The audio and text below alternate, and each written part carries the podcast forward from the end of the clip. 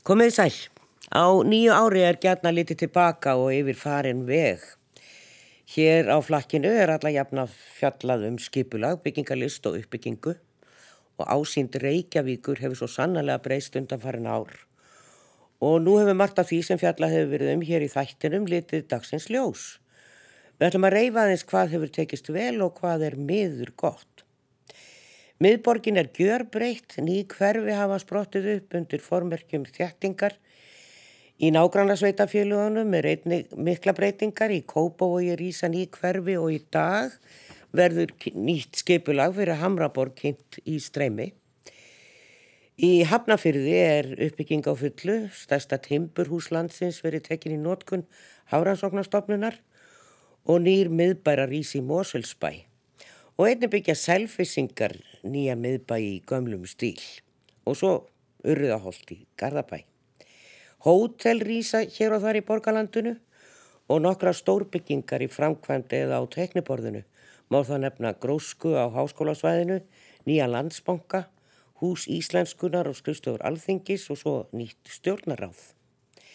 Ég kynni til í hildeginu Sverrisdóttur, arkitekt og deildarforsetta arkitekta deildar listaháskólans, Karl Kvaran arkitekt og formann arkitektafélagsins og Pétur Há Ármannsson arkitekt og byggingalistfræðing. Við erum velkomin.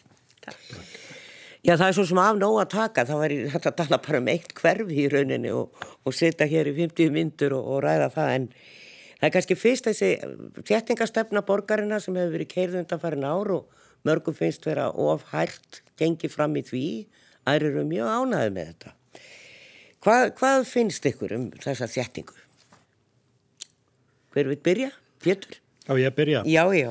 já hún er það eru bæði, bæði góðir hlutir og slæmir hlutir og allt þar á milli e, það er ekki þannig að þetta sé allt, allt ómólegt eða allt frábært þetta er vanda sem stefna eins og Reykjavíkuborg hefur framfyllt henni, hún hefur lagt í aðalskipalagi svo mikla áherslu á að öll íbúa aukning e, borgarna sé á þéttingareitum það er alltaf erfitt í framkvæmt og af því að, af því að þegar verður að byggja inn í eldra umhverfi þá er það, þá er svo margt sem þarf að horfa til og, og hérna því miður sko þó að menn hafi Eh, þó minn hafi nú lagt sér fram að mörgu leiti þá er eiginlega gegnum gangandi í, í mörgum þessara þéttingaverkefna sem er þeim til eh, hérna sem er svona verið veg það er að byggingarnar eru of háar.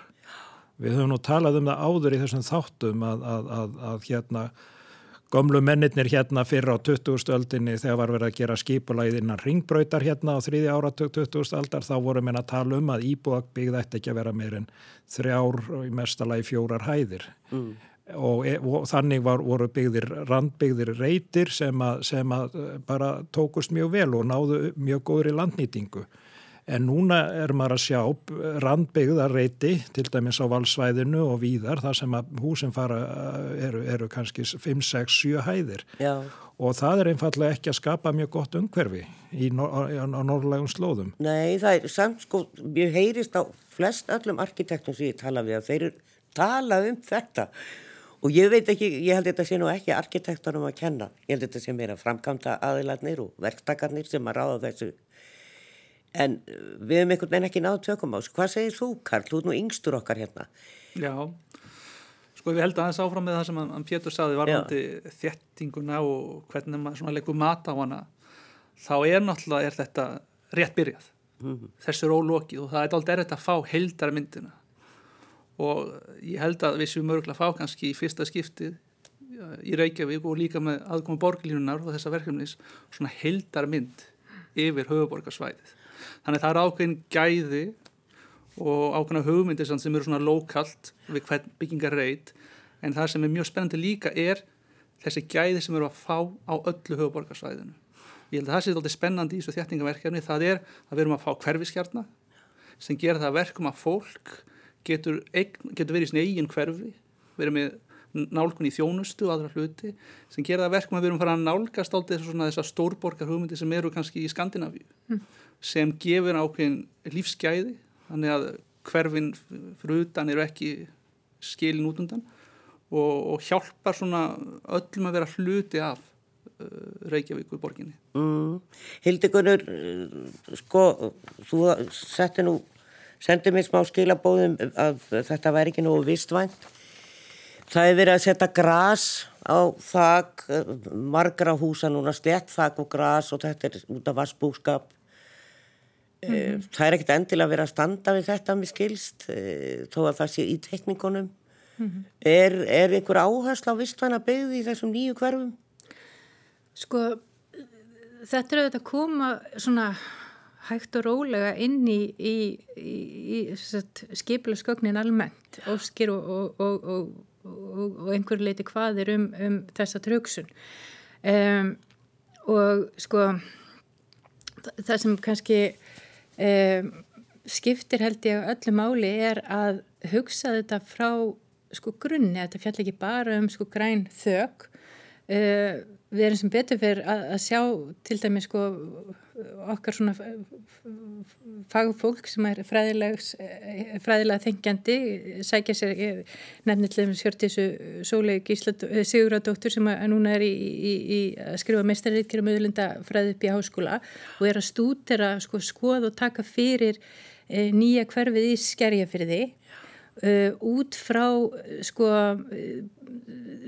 greiningatækjum sjálfbærni. Og þá er hann að skoða alveg frá því sko að hverfið er skipulagt, alla lagnir, bæði stígalagnir, vegalagnir, hvernig hérna e, aðkomana fjörunni er, hvað er mangjart og hvað er, sko, rauninni bara skoða, ekki bara gegndreipi á þakkinu, heldur gegndreipi hverfið sem, sem slíks, Já. skoða yfirborðu á efni skoða hérna sko, bara, hvert er, er vistspor þeirra efna sem að, að, að hérna, skiplaði hverður áum og þetta held ég að skipti svo miklu máli að við förum í þessa rannsóknir til þess að sé hreinlega hægt að búa til og þróa tæki þar sem að þessi nýju hverfi sem að, að, að Karl var að benda á, á þann sem að eru einmitt að fara að spretta upp og við munum sjá einmitt alveg ábyggilega í auknumæli með, með borgarlínun og með þessari hildrænu hugsun hérna höfuborgarsvæðisins að við, við þurfum sko bæði greiningatæki og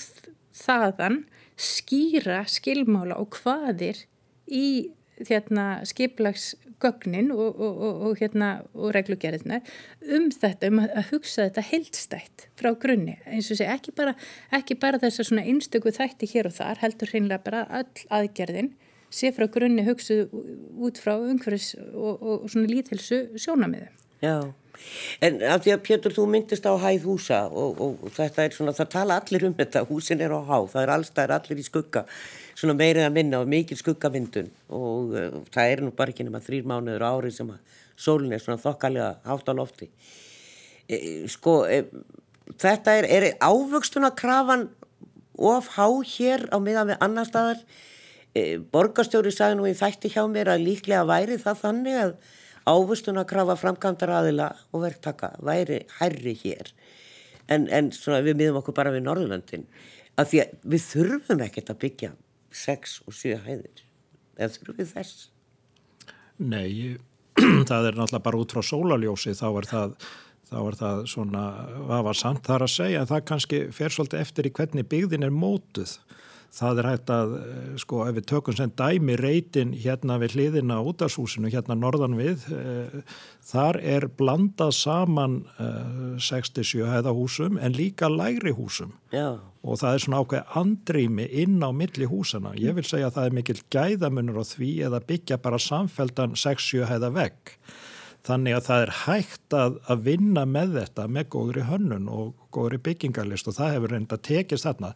Þess vegna finnst mér alltaf, sko, ef maður á að vera á svona uppbyggilegu nótum, þá finnst mér alltaf að sko besta sem við höfum eru góð dæmi, dæmi sem takast vel. Við höfum þetta dæmi þarna á þessum reit, þarna tókst eitthvað vel. Við höfum líka dæmi búsetta reitin millir einholts og þverholts sem að tókt líka vel. Þar, eru, þar er samfelt randbyggð en einhvern meginn snýr garðurinn inn á húsagarðurinn, hann snýr þannig að hann, hann, hann snýr mjög vel við sól, það vegur upp á móti. Já. Þannig að það verður ekki þessi skuggamyndun og, og, og þetta að blanda saman sko, húsum, lægri húsum sem að, sem að afmarka göturými, almennisrými og, og þó að einhver hluta þeirra verður síðan herri E, þetta til dæmis mistóst gjörsamlega á höfðatorki þar sem að það vantar lábyggingarnar þar til að tengja þessi herri hús við götturímina. Nú að verða mölva niður sem er alveg fáranlega að gerða mölva niður tvö ágætlega stæðileg hús á hotni skúlagötu og sætúns e, og byggja þar enni törnin. Þannig að þetta verður ennþá, ennþá harneskjulegra umhverfi heldur en það var. Þannig að Já. þarna vantar, þarna er greinilega gífurlegir galli í skipalæginu sama máttnulega líka niður við Hafnatorg þar sem þetta eru svona massívar háar byggingar. Já, en, en sko, ar, já, vildur þú bæti já? Nei, ég mun langaði bara, sko, bara í, í þessu samengi að þá, sko, vandamálið við Reykjavík eins og hún er byggðið upp er auðvitað að vissuleiti það að við svona, sko, það sem við erum með höndunum er að einhverju leiti það sem ég myndi kalla, sko, miðbær í rauninni bara já, þorp með útkverfum í rauninni sko. Reykjavík er þannig byggðu og það er svo, það er svo lítill sko, partur af byggða borgarlandinu eins og það er í dag sem er þjættanlegt að því við erum með þessi kannski fjórbíli með, með gorðum í kring og það er ákvæmlega erfitt að fara inn og þjætta sko hérna fyllengunin inn í þessu og þetta er svo stór partur af okkar borgarlandslega inn í Reykjavík sjálfri en, en þannig að maður skilur alveg að, að þegar við tölum um að þjætta þá þurfum að gera það á afmörkum stöðum í þessu nýja byggingalandi. Og hérna og, og einhverju leiti þarna auðvitað kallar það á, á háur byggingar. En það er okkur þetta þurfum við alltaf að vera byggja svona hátt og sérstaklega sko þegar við förum að skoða hildrænt, ef við skoðum, ef við hættum að skoða stjórnsíslu einingarnar sjálfa Reykjavík út af fyrir sig, Garðabæ út af fyrir sig, Hafnum, sko ef við skoðum allt stór Reykjavík og svæðu og förum að hugsa um það hildrænt út frá ég tala nú ekki um borgarlínunni að þá er hægt að, að, að, að sko, þjætta ansi við og ansi vel þá við förum ekki að herra en þessar þrjárfjóra hæðir já. á hverjum stað já. og búið til þennig, já En, en við skulum aðeins kvíla þjættinguna og, og tala aðeins um útlitt af því að við sjáum að sko ég hef nú oft hugsað um aðeins komaði að að að Sigvaldi Tórdarsson þegar hann var að tekna sín lág rathús og, og, og bæða í skeiðavóginum og við miklubröndina og þetta eru ídeal íbúður sem hafa sér engang út með tveimur, þreimur hæðum og er, það seljast bara, það flyttur engin úr þessum húsum þegar það komir inn á annar borð. En við erum einhvern veginn alveg horfið frá þessu. Maður sér ekki rathús mm. þau eru hverki byggð. Og það sem við sjáum er eru, uh, sko, þegar við erum að tala um hótelin og svona stærri byggingar þá er þeim skipt upp í fleka. Þannig að það lít út fyrir að vera þrjú eða fjögur hús. Það er bara eitt hús. Og síðan sjáum við í allri íbúðabygðinni að það er verið að skipta blokkonum upp í svona mismunandi útlitt og álklæningar út um allt og einhvern veginn finnst mann þetta að vera alltaf mikið tísku fyrir breyði en þetta er sjálfsagt gott efni á Íslandi ger ég ráð fyrir upp á veðrund Hvað segir þú Karlum, útlitt? Já. Erum við að byggja falleg hús?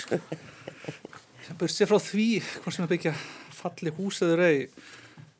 Sko ég held í gruninum, sko, öll þessu hús eru, eru vel byggð, eru vel gert og, og, og fagmannlega gert. Um, ég held samt og, og þið getur leðrétt með Hildikunur og Pjötu að það hefur kannski ekki verið okkar sterkasta hlið íslenska arkitektur, kannski nýsköpunin, sem sagt að vera frumleg og ég held þar að það sem kannski vant upp á eða mætti vera meira af er kannski að, að fá meiri rannsóknir fá stóra stofnir eins og listaháskólan til þess að gefa fólki möguleika á að, að, að sko að rækta þessa hugmynd um, um, um estetíkina og um, um hérna, bygginguna og, og kannski líka bara að arkitektur átti sig á því að þeir eru ekki einungis að byggja heldur geta líka að þróa sér sko sem fólk í rannsóknum. Þar leðandi held ég að það sé pláss uh, fyrir rannsóknir, það er pláss fyrir að stúdira hvað er fasaða, hvernig er fasaðan, hvernig er byggingin, hvernig er í almenningsrýminu, hvernig vinnur þetta allt saman. Og ég held að vera mjög interessant að bara fá einhvers konar plattform einmitt þess að vinna með þessar hugmyndir um hvort þetta sé frumlegt, hvort þetta sé gott eða ei, en að minnst að fólk geti tjáð sig á á þessu sviði. Já, já. Eh, Hildegunur, sko það er náttúrulega voðalega erfitt að tala um smekkmanna því að hann er náttúrulega svo mísjafn en, en svona, já, þetta, það er einhver tískaðan í gangi því sem við erum að byggja í dag. Já, sko tíska, sko. Eh, við getum svo sem sagt að já, já, eftir stíðsárunum þá var það einhver tískað steina hús og byggja, eh, tveggja hæða með risi og, og fjóra rýpuður og hérna, en, en já. Mér gruna nú sko að þetta sé nú praktiskara hérna að í þessu liggi meiri praktik heldur en kannski fagufræði í sjálfu sér. Við náttúrulega sko hérna núna í setni tíð hefur bara hefur verið að færast eh, hvað ég segja okkar svona byggingatækni hefur verið að færast í það að, að, að einangra hús að utan. Og þá þarf að vera einhvers konar veðurkápa utan á þessari einangrun.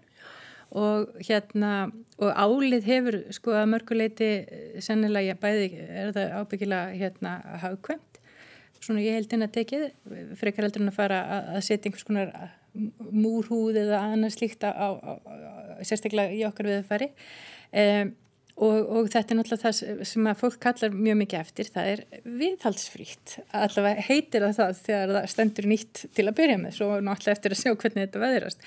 Og ég held að það gerir það verkum að einhverju leiti eru við bara að sjá svona ég veit ekki, kannski getur maður sagt svona nýja bárujársvæðingu í, gamla dag þá settu við bárujárna á, á timburhúsin til að verja þau fyrir veðrun og, og seltu og, og, og hérna og vatni og kannski er, er, er þetta nær því að vera svona kannski bara næsta kynsluð af, af, af hérna, þessari svona bárujársvæðingu út frá okkar bara hérna landlegu einangrunnar hérna svona nýri hefð og svona þessari hafkvæmni Um, en svo getur maður sett stórt spurningamörkið þá hvern, hvernig þetta eftir að veðrast. Ég er ekkert endilega vissum að þetta veðrist allt þannig að það þurfa aldrei að, að, að halda þessu við og þá fyrir að vera spurning hvernig hérna, hvernig, hvernig hérna leysum við það þegar fram í sækir og, og, og einmitt þetta verður eins leitt að mörguleiti og, og þetta verður svolítið svona auðvitað hægt að brjóta upp í lit.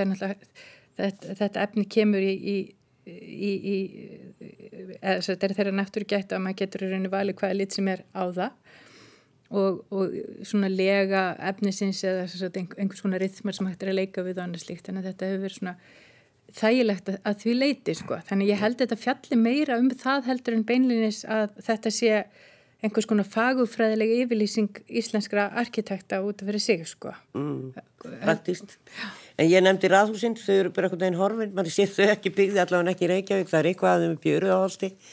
En eh, sko þetta er einn vinsælasta búsetta fólks að bú í raðhúsi, vil kannski ekki vera í einbilshúsi, það eru dýrt og stórt og allt það, en raðhús er svona praktiskara. Eh, hvað var þau um þau? Já, ég veit ekki, þetta er, þetta er mjög, ég tek undir það að þetta er mjög skynnsamlegt byggingarform og, og hendar vel svona íslensku, íslensku þjóð. Ég hef ekki skýringun á því af hverju þetta hefur lagst af. En mér langar kannski til að leggja þess inn í orði belgisambandi við þetta hérna, uppbrot og litanótkun sko. Byggingalist er, er náttúrulega, arkitektúr er, er 2-3 þúsund ára uppsöfnu reynsla og megin viðfángsefni byggingalistar að segja hins listræna þáttar er að í raunin að brjóta upp hið, hið, skapa rými og brjóta upp hið, hið loðrétta veg yfirborð, gefa því líf, gefa því dýft þannig að byrta og, og, og, og byrtan skapi, skapi fjölbreytileika og mannlegan mælikvarða. Þetta er það sem byggingalisti búið að vera takast á við öldum saman. Við erum með gríðlega reynslu þannig að nýsköpun í byggingalist hlýtur að líta til sögunar alveg eins og gerir í tónlist og myndlist og öllu mögulegu. Ef menn þekk ekki söguna þá, þá hafa menn úr ansu litla móða og ég held því miður að, hérna, að eh, sko, tilfinning mín er, er að það hafi að sögukensla í arkitekturnámi hafi átt undir högg að sækja lengi á síðustu, ára, síðustu tíu, síðu, á þessari öld og við sjáum það bara í umhverjun að, að maður sér mjög mörg dæmi í nýjum byggingum að arkitektarnir hafa ekki þau tæki og tól sem að gamla klassikin gafmönum í hendur. E, menn er að dásta byggingum hérna í gamla bænum sem að voru, voru teiknar af af smiðum með framhalsmentun í eitt eða tvö ári í Kaupmannahöfn en ákveður tókst þeim svona vel að skapa það sem okkur finnst í dag manneskilegt umhverfi, ákveður er svona erfitt að gera þetta í dag. Þetta er spurning sem að ég held að arkitektastjættin þarf, þarf að taka alvarlega. Fólk, það er ekki, við getum, við getum svona einangráð okkur og sagt að fólk sé bara hafa ekki skilning á þessu en við þurfum líka að, að hérna, við þurfum að vera opinn fyrir gaggríni Ég er ekki að segja það að við höfum að fara aftur í 100 ára og fara að teikna hús eins og það voru þá en við höfum að taka viðfóngsefni alvarlega og takast á við það með okkar, okkar efnum og aðferðum. Og eitt af því sem mér finnst vera vandamál í, í, í hérna í nútímanum, það er það að, að, sko, að, að gefa í rauninni yfirborðsfleti bygginga ákveðna dýft. Þessi, þessi plötuklættu fletir eru svo flatir, það vantar dýftina og mér að segja sko, svo vantar samband við málmklæðningarnar, það vantar þessa þennan fínleika og fáun sem við finnum í, í, í sko gömlu aldamóta timburhúsuna þar sem að, þar sem að glugg, hvernig gluggarnir sítja í, í klæningunni, skreitið sem spilar á móti, móti bárujátninu. Þetta var mjög háþróið byggingalist og einhvern veginn finnst mér að, að, að og þannig erum við að tala bara um deililausnir. Mér finnst vanta þróunina einhvern veginn í þessu að takast á við því raunverulega listræna viðfánsefni að brjóta upp hildirnar í manneskilegan mælikvarða og þetta var að því hún nefndi Sigvalda Tordarsson þá var hann maður sem hafði alveg feikila gott vald á því að, að, að brjóta upp byggingar hildirnar. Þannig að, þannig að, þannig úrvarð falleg form, falleg, fallegt yfirborð, fallegi lítir og, og, og, og manneskilegt umhverfi mm. og það er mikið af honum að læra Alveg öruglega. Við sittum hér, þetta var Pétur Ármarsson og við sittum hér eh, fjögur og erum að spjalla saman um hvað er búið að gerast í byggingalistunni hér svona kannski undanfærin tvö ár eða svo. Hildikunni Sveristóttir, arkitekt og Karl Kvaran, formaður arkitektafélagsins og jáfnframt arkitekt. Eh, Hildikunni, þú kannski veist það sem eh, deildafossitt í arkitektadeildinni er, er sögkjænsla á skortum skamti? Um, ég er svona skortinskamti ég hérna uh, já og nei. Það er að segja hérna uh, ég held að við getum uh, ábyggilega bætt okkur þar og er, erum að gera það með, með hérna bara töluðum orðum. Um, sem byggverð hefur nú verið svo heppina að, að, að hérna eiga eiga haugihortni í, í, í Pétri og, og, og, hérna, og Karli vonandi bráðum líka. Eh, en sko ég held að þetta fjallin er líka um svona kannski stærra eh, menningalegt samhengi. Það er að segja, eitt er sögukensla og það, er, það sem hefur verið svolítið vandamáli hér er að við förum náttúrulega all út til að læra. Það, það, er, það er núna fyrst sem við erum að sjá kynsluður sem hafa byrjanámið sitt hér og það verður ekki fyrir núna í haust en, en sem betur fyrir núna í haust sem við munum hafa fullnaðan á með arkitektur á Íslandi. Um, sem að byrjaði sem sagt í námi nei, á Íslandi? Já, sem sagt þar segja við höfum haft bíðanámið núna í, í rúman áratug en, en, en við hefjum meistari námi í haust og þá verður, þetta, þá verður allt námið í rauninni uh, Hér? Já, hér á Íslandi. Um, en sko ég held að, að sko mörguleiti þegar fólk byggði þessar eldri byggingar þá erum við að hérna, e, bæði e, erum við þá annars verið að tala um sagt, sko, e, trésmiðina sem að, að þekkja sitt, sitt efni og, og það er í mannuskilegri skala og, og, og þetta er svona, það er ákveðin svona þekkingi sem likur í því. E, svo koma arkitektatur okkar e, í svona fyrirluta aldar með, með svona ákveðin kannski Uh, lærdóms uh, kistil með sér úr, úr þetta bæði klassískum arkitektur og því sem er að gerast þar. Uh, hins vegar hefur við séð á setjumlöta 20. aldar náttúrulega sprengingu í byggingar efnum, hvernig hægt er að byggja byggingar og hvernig hægt er að klæða byggingar og, og við sem hefum verið að byggja hérna komum náttúrulega allstæðar aður heiminum getur við sett, íslenskir arkitektur hafa lært mjög víða um heimin og auðvitað kemur fólk og staðferðar einhverju leiti þá þekkingu sem það að, að tekur með að utan. Og kannski eru við bara ekki lengur á veg komin með að svona spurja til þess sko annars vegar hvað er íslenskur arkitektur þegar öll er á botnin kolt? Þegar að segja hérna hvernig lítur raunverulega hinn hin íslenski arkitektur út ef e, e, við erum ekki að tala um okkur góðu gömlu torfús og ekki kannski þess að svona fungis hérna stefnu sem að, að að við sjáum hérna í, í, í, í grónari hverfum í Reykjavík. Hvernig lítur hann út í dag, hvernig lítur hann út til framtíðar og einhverju leiti kannski eru við ennþá bara að læra að byggja þessi stóru hús með þessi stóru flötum sem að, að Pétur var að lýsa þann. Hvernig getur við fengið þessar byggingar til þess að afsækja slettun að make a sense? fyrir líkamlegan skala mm. og, og þetta er kannski, ég menna kannski er við bara að sjá núna e, e, ákveðna kynnslóðsvara sem þyrti að komast í kannski dýbra gaggrinnið samtal og verður vonandi e, í þjættara samtal og þjættara hérna, svona, þjættara átökum ég vonandi með mestaranáminu okkar en, en líka bara eftir því sem að, að, að við fáum lengri og betri reynslu í því að byggja svona byggingar. Mm. Karl, þú myndist áðan á að við værum kannski að búa til borglóksins og, og við værum að búa til hverfi þar sem að fólk geti fengið þjónustu í hverfinu svona eins og við þekkjum bara frá því í gamla daga hér í Reykjavík. Þá voru alla búðir í hverfinu. Þú þurfti ekki að fara nýri í bæ eða eitthvað langt burt til þess að kaupi matin og annað, þetta var allt til hins vegar sko er náttúrulega búið að setja sko og það er búið að gera ráð fyrir því mörgum að þessum hverfum með veslunar og þjónusturímum á neðstu hæðun eh, og þannig er það líka í miðbænum en við sjáum líka mörg auður ími um alla miðbæ, við erum kannski á þeim tíma núna í sögunni þar sem heimsvaraldur geysar og og það er kannski ekki jafn sprúðlandi eh, hugmyndir um að opna búðu eða byrja að gera eitthvað akkurat á þessum tíma. En ég velti því fyrir mér, sko, tekst okkur þetta? Sko, þegar við erum komin inn í vogabeyð og hlýðarenda og þessi stóru hverfi sem er verið að byggja og stefnan er upp á ártúnshafða þetta eru ný hverfi og þarna svona ef við skoðum bara graf og gravarholt þess að þú þarfst að fara á bíluðinu til þess að kaupa mjölkupott e, þá tekst okkur þetta heldur að þetta komin í hverfin aftur. Sko, jú, jú, ég held það. Ég held að, sko, náttúrulega í, í kringum þessi, hva, í kringum þessi, þessi hverfi þá, þá náttúrulega mun eins og ég sagði að hann koma þessi, þessi umferðaræð, þessi borgarlína. Og ég held að það sem mun gera borgina mjög sterka, það er að fá þessa almenningssamgöngur í gang og að við verðum komið svona tengipunkta, svona kjarna.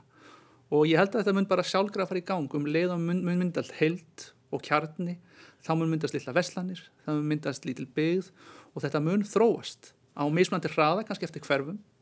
Það er ekki spurning, en mun þetta mun þetta mun algjörlega virka held ég. Og, og ég held að við ættum verið óhrætt að vera með þess að veslanir á fyrstu hæð og þjónustu og, og hérna, íbúðir á, á efri hæðum. Og við náttúrulega verðum að berjast á móti því að vera með einhvers konar sveppkverfi sem einnkendu ákveðin, ákveðin áratu í, í Evrópu sérstaklega þar sem þú svafst í einu hverfinu og vannst í einu hverfinu Já. við viljum fá fjölbreytileika við viljum borg sem er sko 24 klukkustund, sem er ofin 24 klukkustund við viljum nýta dægin og ekki búa til einhver borgarými sem eru döið þar er leiðandi held ég verðum eiginlega að gera allt til að þessi borgarými og þessi kjarnar virki mm. sem heilstættir ími bæðið með þjónustu og íbúðum Já Við sjáum það hérna, við nefndum nú vel hefna hér við hlýðina norðan við útastúsið e, og þar var skilirt pláss fyrir veitingastað til dæmis mm. Og, og maður svona hugsaði, vá, allir gangið út með kringluna þarna á stjörnutorkið og matsilstæði þar og, og kringlu krána, þetta er stutt í burtu en, en ég veit að þau reyka sem meðal hans á því að, að senda mat út í bæ þannig að þetta er spurningum hugmyndir hvernig ætlar að reyka staðin og, og, og sagt, servera fyrirtæki út í bæ með mat. Eh, hvernig heldur þú að þetta takist? Sko ég er svo miklar áhyggjur að þessu þegar ég kemur í miðbæ og sé það er bæðið veslanar að fara og, og það gengur svona svona að, að, að sapna inn á hafnatork. Ég held að auð plás skapi tækifæri. Ég held að það sé mjög mikilvægt að hugsa byggingar uh, í, í laungu tímasamhengi því að sko við, við, við, flestar byggingar í miðbæra Reykjavík hafa breytt um hlutverk.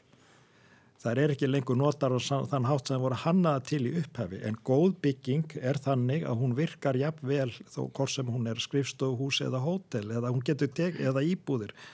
Góð bygging getur tekið allt mögulegt. Við séum að það verða að breyta landsýmahúsin í hótel og, og sem eitt dæmi. Þannig að, hérna, þannig að ég held að hérna, sko, við, við, vitum ekkert hvað mun gerast. Já, það er, menn tala um það í, í útlöndum að Vestlunsun og aðalgötu sé að draga saman. En svo núna erum við með þennan, þennan, þennan faraldur þar sem kemur í ljós að kannski vinnustadurinn sem slíkur sem fólk er að ferðast frá, ein, frá A til B með enga bíl eða einhver, einhverjum almenningssangöngum hann er í rauninni kannski bara félagslegt fyrirbæri. Mm. Hann er ekki nöðsin vegna þess að fólk þurfi að, að, til að sinna sínu daglega starfi. Ég er á vinn hjá stopnum þar sem að meiri hluti starfsfólksins hefur verið að vinna heima hjá sér síðasta hálfa árið. Það hefur ekki haft einu einustu áhrif á afkostin eða samskiptin. Það eina sem við söknum er það að hýtast og þá, þá getur maður sagt sem svo, kannski eru verður verslunarímið hérna á jarðhæðinna í, í nýja hverfinu hérna við hliðina eða, eða eitthvað staðar, kannski er það bara vinnurímið þar sem fólk íbúatni koma saman og eru að vinna hver fyrir sína stopnun en, en hafa svona ákvæðan félagslegt hlutverk, þannig að það geta verið alls konar svona möguleikar, tækifæri í þessum jarðhæðum sem að spila náttúrulega saman með götunni sem verður að endurskapa sem almennisrými sem að geta orðið mjög skemmtilegir og þurfi ekkert endilega að vera verslanir í, þessum hefðbundna skilningi. Ja. Ég held að það er alltaf rosa mikilvægt þetta með sko, hugmyndinir okkar sko, hérna, við náttúrulega við komum uh, úr í rauninni skipla í engabilsins. Þar sem að, að eins og Karlar benda á þann að við, við skipulaðum í rauninni borgina svo miklu leiti þegar hún er að þennjast út í þessari herberikja skipan. Þar sem að bílinn verður í rauninni algjör nöðsinn til þess að komast á milli um, og hérna og eftir því sem fólk var meira að vinna þá náttúrulega, tala náttúrulega um þegar konur fóru að fara út á vinnumarkaðina þá, þá breytist þessi svona hérna eh, hverfum frá því að vera það sem að húsmaður gengur út í fiskbúð og mjölkubúð og allt þetta og, og fólk fer bara út í, í, í stóru veslunaklassana og gerir stórin kaup á bílunum sínum og fer sér heim. Núna er hins vegar að vera að kalla, bæði er fólk að kalla eftir hérna möguleikum og vettvang fyrir til dæmis bílausan lífstíl hjólastíga e, og, og náttúrulega við, við bindum mikla vonu við, við borgarlínuna. E, fólk er að ganga, hlaupa, það, það er sko útivistir orðin miklu kannski meiri svona partur af því að til dæmis bara fara til og frá vinnu heldur um var. Og, og hérna og ég held að, að, að það sem gerist líka er að sko eftir að, að e, miðbærun okkar var svona Svo, já, yfirtekin af túrisma til dæmis að þá höfum við séð út í hverfunum eh, flest hverfi hérna kringum miðborgina eru komin með lítil hverfi sveitingahús sem bara ganga að mér sínist rífandi vel. Og fólk vil bara vera svolítið heima hér að því að, að, að hérna á fyrstadagskvöldum með bytturna sína og hitta vinnina yfir bjóra eða hvað veit ég. En ég held að, og, og þetta með að sjá um þessi rými ekki endilega sem vestlunarými mm -hmm. þetta geta líka verið við sjáum til dæmis í, í hverfum í kringum okkur svona uh, deilirými þar sem fólk er jáfnvel að, að, að, sko, með einhvers konar verstæði eða, eða borginni jáfnvel með einhvers konar verstæði sko, uh, þar sem fólk getur komið inn og fengið saumavilar eða hvað veit ég. Þetta, þetta er meira kannski svona samfélagsflötur uh, heldur en endilega svona verslanir í hefðböndinu rými ég held við um eftir að sjá miklu meiri fjölbreytileika í þessu Ég er alveg vissum það að við hefum eftir að sjá einhverja breytingar á næstu 20 árum. Við erum að tala um þessi kannski síðustu 2-3 ár. Það er náttúrulega það sem er byggt, það var skipilvægt kannski fyrir 15 árum og margt af því í upphafi en svo er þetta allt hínu bara einhvern veginn að koma og þá, þá bregður manni, manni finnst ákvörðun hafa verið tekinni gær en það er flestu tilfellum langt síðan. E, en, og öruglega mikla breytingar framhundan. Ég ímynda með það, hvað segir þú um það Karl? Að, að, að, hvað, hver, hvernig lítur framtíðin út? Förum við, sko, það er, það er verið að byggja svona eh, vistþorpu til dæmis upp í Guðunessi sem er svona, verið að búa til sameinlega rými. Þú, þú ótt ekki einhverja risastóra stofu, þú er bara með sal í húsun sem þú getur leikt fyrir ferminguna. Já, sko, ég lít nú alltaf björstum auðum á framtíðina. Og hérna sérstaklega núna. Og hérna ég það sem ég þykir mjög aðtilsvert núna í, í eh, bara á Íslandi er að mér finnst við núna vera að beina augum okkur meira að almenningsrýminu, borgarrýminu sem, sem bæði Hildegunur og Pétur voru að tala um að við erum farin að virkilega beina augum á því hvernig tengju við fyrstu hæðina við borgarrýmið, við meðum ekki gleyma því að sko við erum að byggja byggingar, við erum að hanna fyrir fólkið, fyrir borgina. Og það er þetta flæði fólksins sem gera það verkum hvort byggingin hefnast eða ekki. Og þessi rými sem við erum að skoða eins og gungugötu sem er að myndast hér og þar þetta er mjög mjög aðriðsast að sjá hvernig við erum farin að endur tólka gömlu rýmin. Og eins og Pétur sagðan við erum farin að koma í ný rými í gömlu rýmin, hvað gerist þá? Mm. hvernig, hvernig, hvernig breytist borg hvernig endur tólka með þessi rými og þess vegna hef ég litlar áhuggjum af þessum hótelum sem er að byggjast þau munu koma að fara sem, sem nótkunna, nótkunnagildi. Spurningin er, erum við að byggja það vel að einhverja, einhvað annað getur komið inn í hótelið eftir 10, 20, 30, 40 ár. Mm. Eð verður borgarímið, alminnsýmið það upplugt að það lifir af hvort ákveðin stopnun eða ákveðin, ákveðin nótkunn hverfur. Og ég held við sem var réttir í leið þar og ég held að alla stopnun og bæði borgin sé að horfa á og virkilega þetta límið millir byggingina sem er amleginsrýmið. Já, svona persónuleg reynsla því ég fyrir mikið í miðbæina þá ef það er gott veður og lögadegi miðan vetur og þá er gaman að sjá það að bærinu fullur af fólki og það eru bara í stettingar mm -hmm. sem eru bara í göngutúr mögulega að fara í einhverja búðir eða á veitingarstaði eða eitthvað slíkt þó er alls ekki allt opið mm -hmm. þannig að fólk er að sækja borgina en að þú myndist á hótelin og, og, og er ég var svona í hugan að tellja þau upp bara þannig kvosin sko það, það er Marriott það er uh, Curio by Hilton við uh, Fókitatorkið það er uh, á hotni vonastrætis og, og hérna Lækagöld þetta eru þrjú stór hótel fyrir eru mörg stór hótel Hotel Exeter sem er nýbúið tildulega nýbúið á. Og bara allstaðar hérna í kvosin eru alveg rosalega mikið á hótelum. Og maður svona hvað hva finnst ykkur um það að borgin hafi, já bara hreinlega sett þetta inn í skipula öll þessi hótel? Svona, ég veit að búið að ræða rosalega mikið um þessi hóteli, nú eru þau komin. Var þetta ómikið? Sko kvosin var náttúrulega kannski ekki lengur uh, raunhaft sem íbúðasvæði, hún hefur líka mist svolítið mikið hlutverksitt sem svona viðskipta, miðstöð, miðskipta, miðborg. Í rauninni var túrismin kannski ákveðin himnasending fyrir miðborginna allavega hvað mannlíf varðar. Og maður er eiginlega farin að sakna túristanna núna þegar maður gengur um borginna þó það sé vissulega rétt hjá þeirra að á góðum dögum þá er, þá er fullt af fólki að ganga þarna þannig að, þannig að ég, hún, hún, hún er ekkert að deyja sko. En það er líka spurning nú eru, nú eru bæði alþingi og landsbankin að fara að byggja yfir sig og þá spyr maður og, og þannig að þá mun, þá mun sko ansi mörg, mörg hús í miðbænum efri hæðir tæmast. Verða fleiri hótel þar líka eða hvað? Eða, eða verða þetta íbúðir hvað, eða skrifstofur ég held að það set aldrei, það er spurning sem ég veist vera mjög, mjög áhugaverð en, en, en það, ég ítreka það að svona sko e, svona hefðbundin borgarhús eins og, eins og við þekkjum eh, hér erlendum borgum og, og líka við um dæmum hér á landi. Þau þurfa að hafa ákveðins, bera í sér eh, ákveðins sveianleika þannig að þau geti í rauninni sko tekið hvaða nýtingu sem er. Já. Það held ég sé líki latrið að hanna byggingarna þannig að þær hafi þennan, þennan, þennan, þennan sveianleika sem að, sem að góðar borgar byggingar hafa. Og geti tekið við einhverju öðru?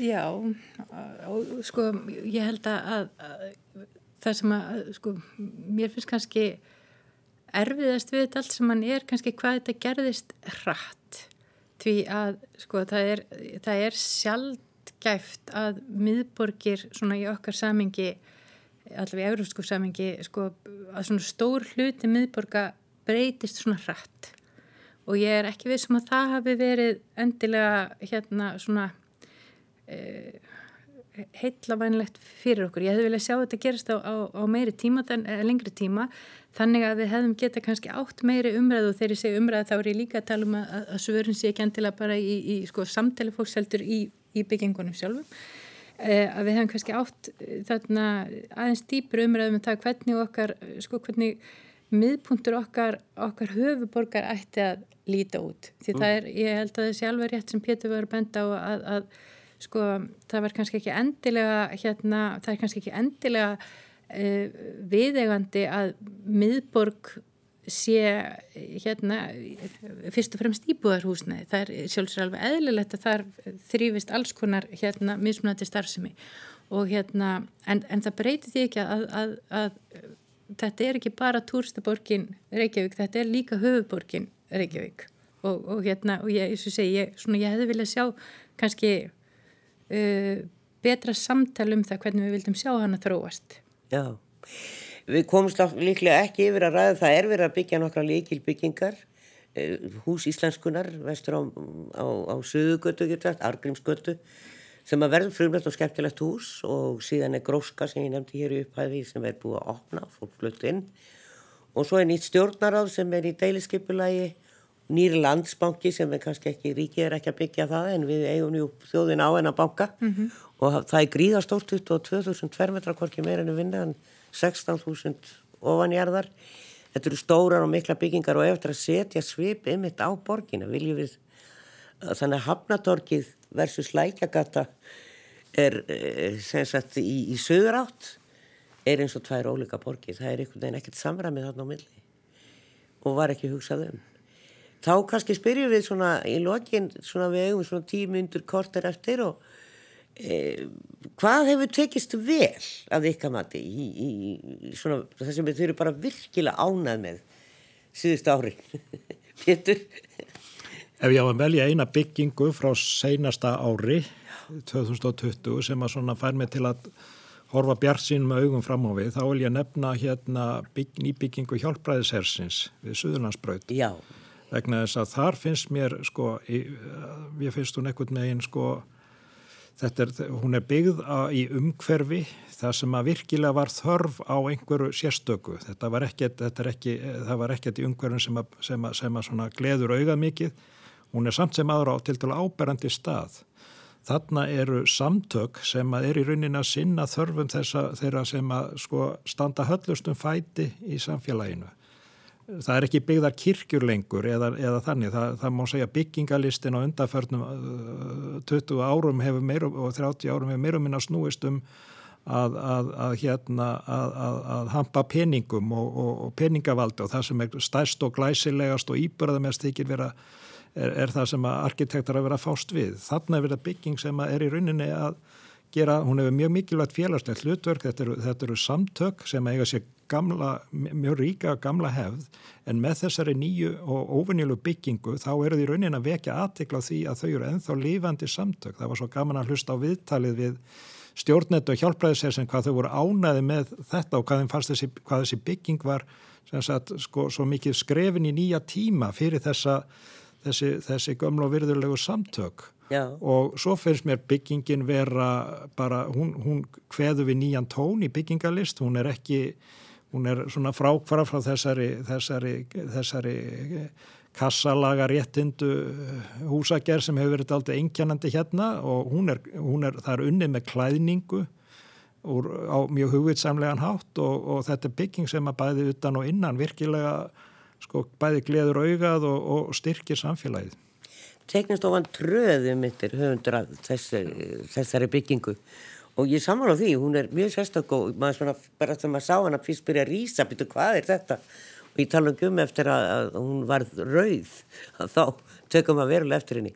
Hvað segir þú Karl, erst þú eitthvað ánað með eitthvað? Já, ég sammála, þetta, þetta er mjög fallið bygging uh, sem hjálpræðisennum og, og mér finnst líka önnu bygging og svona öðru vísi, það er hérna Marsjálhúsi, mér finnst það mjög aðriðsvert að, að hérna hönnuði þar, þar í Kurt og Pía ekki bara ákveð endur gera bygginguna heldur bjúku til prógram saman með menningastofnun og, og að, að borgin og allir hagsmuladrar hafi ákveðið það að setja menningastofnun á þetta svæði til þess að örfa það. Og ég held að Grandi í framtíðinu muni verið mjög aðtillisar staður mm -hmm. og, og verður svona á einna þessum miðpunktum bæjarins í framhaldið miðbænum Verður kannski aðeins starri miðborg með Grandanum?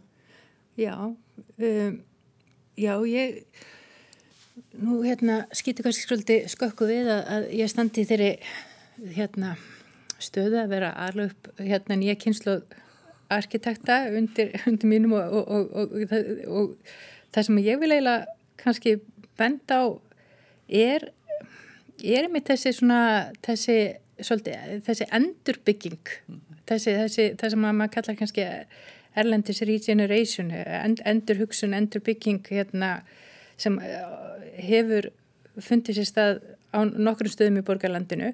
Því að sko við erum að fara að, að sigla inn í tíma því miður sem að eru einmitt ekkert kannski svo hérna e, bjartir ef að spár rætast varðandi umhverfismál og varðandi bara hérna stöð okkar í, í, í, í heimingeimunum sko. Eh, hérna og, og ég held að, að við sem stjætt verðum að fara að hugsa miklu hérna uh, markvissar og alvarlegar um umhverfstætti, um það hvaðan við fáum efni, um það hvernig við notum það efni og þá verkþekkingu uh, sem við höfum. Og þess vegna finnst mér einmitt Marshallhúsið Eh, mér finnst eh, braggin, mér finnst eh, hérna, það, er, er gríðalega falleg lítil endurbygging hérna á hverfisgötuna eftir hérna stúdíu Granda. Eh, annað verk eftir Granda sem reyndar er, er hérna eh, út á landi gisteheimili sem heitir Drangar. Eh, og ég nefni það vegna þess að þessi ofsalega uppbygging sem nú mun eiga sér stað og er eiga sér stað út á landi að vera með svo mikið af, af í rauninni efni í gömlum byggingum sem að skiptir svo miklu máli að nýta. Því að, að hérna, það er svolítið lenska þessi ódýrara að rýfa og byggja upp á nýtt. Og þegar maður hugsaður bara lógist um það þá hlýtur einhver annar að vera að borga. En það getur alltaf verið ódýrara að rýfa eitthvað og byrja frá grunni. Ef, ef það er það þá er það bara einhver annar sem borgar brúsan sko. og hérna, þess vegna finnst mér það að, að, að endur hugsa það sem við höfum Uh, og skilgreina vel eh, það efni sem tilstaðar er.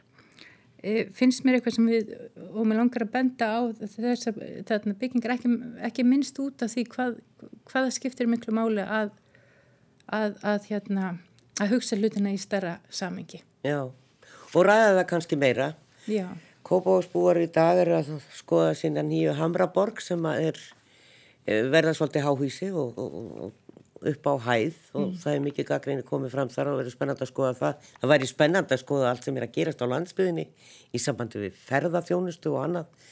Þar er, eru arkitektur að vinna ímisverk, bæði baðstaði, mm. glæsilega hótelbyggingar og ímsa aðstöðu fyrir ferðamenn. E, sko kannski bara örstuðt í lokin, er, eru arkitektar nokkuð, standaði nokkuð framifyrir fyrir því að vera með verkefnaskort á næstunni? Alls ekki. Nei. Það er verkefnin eru hérna, ég meina það er, það er svo mörg tækifæri hérna á Íslandi sem hafa ekki verið nýtt það, og það er eitt af því ánægilegast að við síðasta ár, eh, ef svo má segja, það var náttúrulega þegar flest, allir voru að ferðast hérna innanlands og þá sámaður var, var maður alltaf að horfa eftir því sem var einhverju nýju sem var að gerast í byggingalist og það, ég held að við séum að maður sá ímistæmi um það hvernig að í rauninni eh, umbúnaðurinn um ferðarþjónustuna er að, er að, er að svona þróast og verða, verða fallegur og menningalegri. Ég vil nefna áningastað við Löfskálaverðu á Mýrdalsandi, lítið þjónustuhús eftir, eftir stásarkitekta sem að komið mjög ánægilega óvart, bara þann út í auðninni, lítið ja. hús sem að, pínulítið hús sem að, sem að gaf mikið af sér, Bað, baðhúsin, vög sem er hannaða basaltarkitektum mjög skemmtilegur að mörguleiti, skemmtileg hvernig húsið er sett lagt í landið og skemmtileg hugmynd. Þar er byggingalistin í öndvegi, nýr áningastadur við Goðafoss sem að Gláma Kím og landslagarkitektur hafa verið að þróa, það sem er unnið meðal annars með gamla brú og, og mikil alúð lögðík bara hvernig að þessi, hvernig að flæði fólks um svæðið er, er, er hugsað án þess að ofbjóða umgörna. Þannig að við erum að komast á nýtt þróskastig held ég í þessum ferðamanna arkitektur nákvæmlega. Það er margt á döfinni og, og, og það er eins og ég segi þetta er rétt svona byrtast margt af því sem hefur verið skipilagt undanferðin ára og byggt.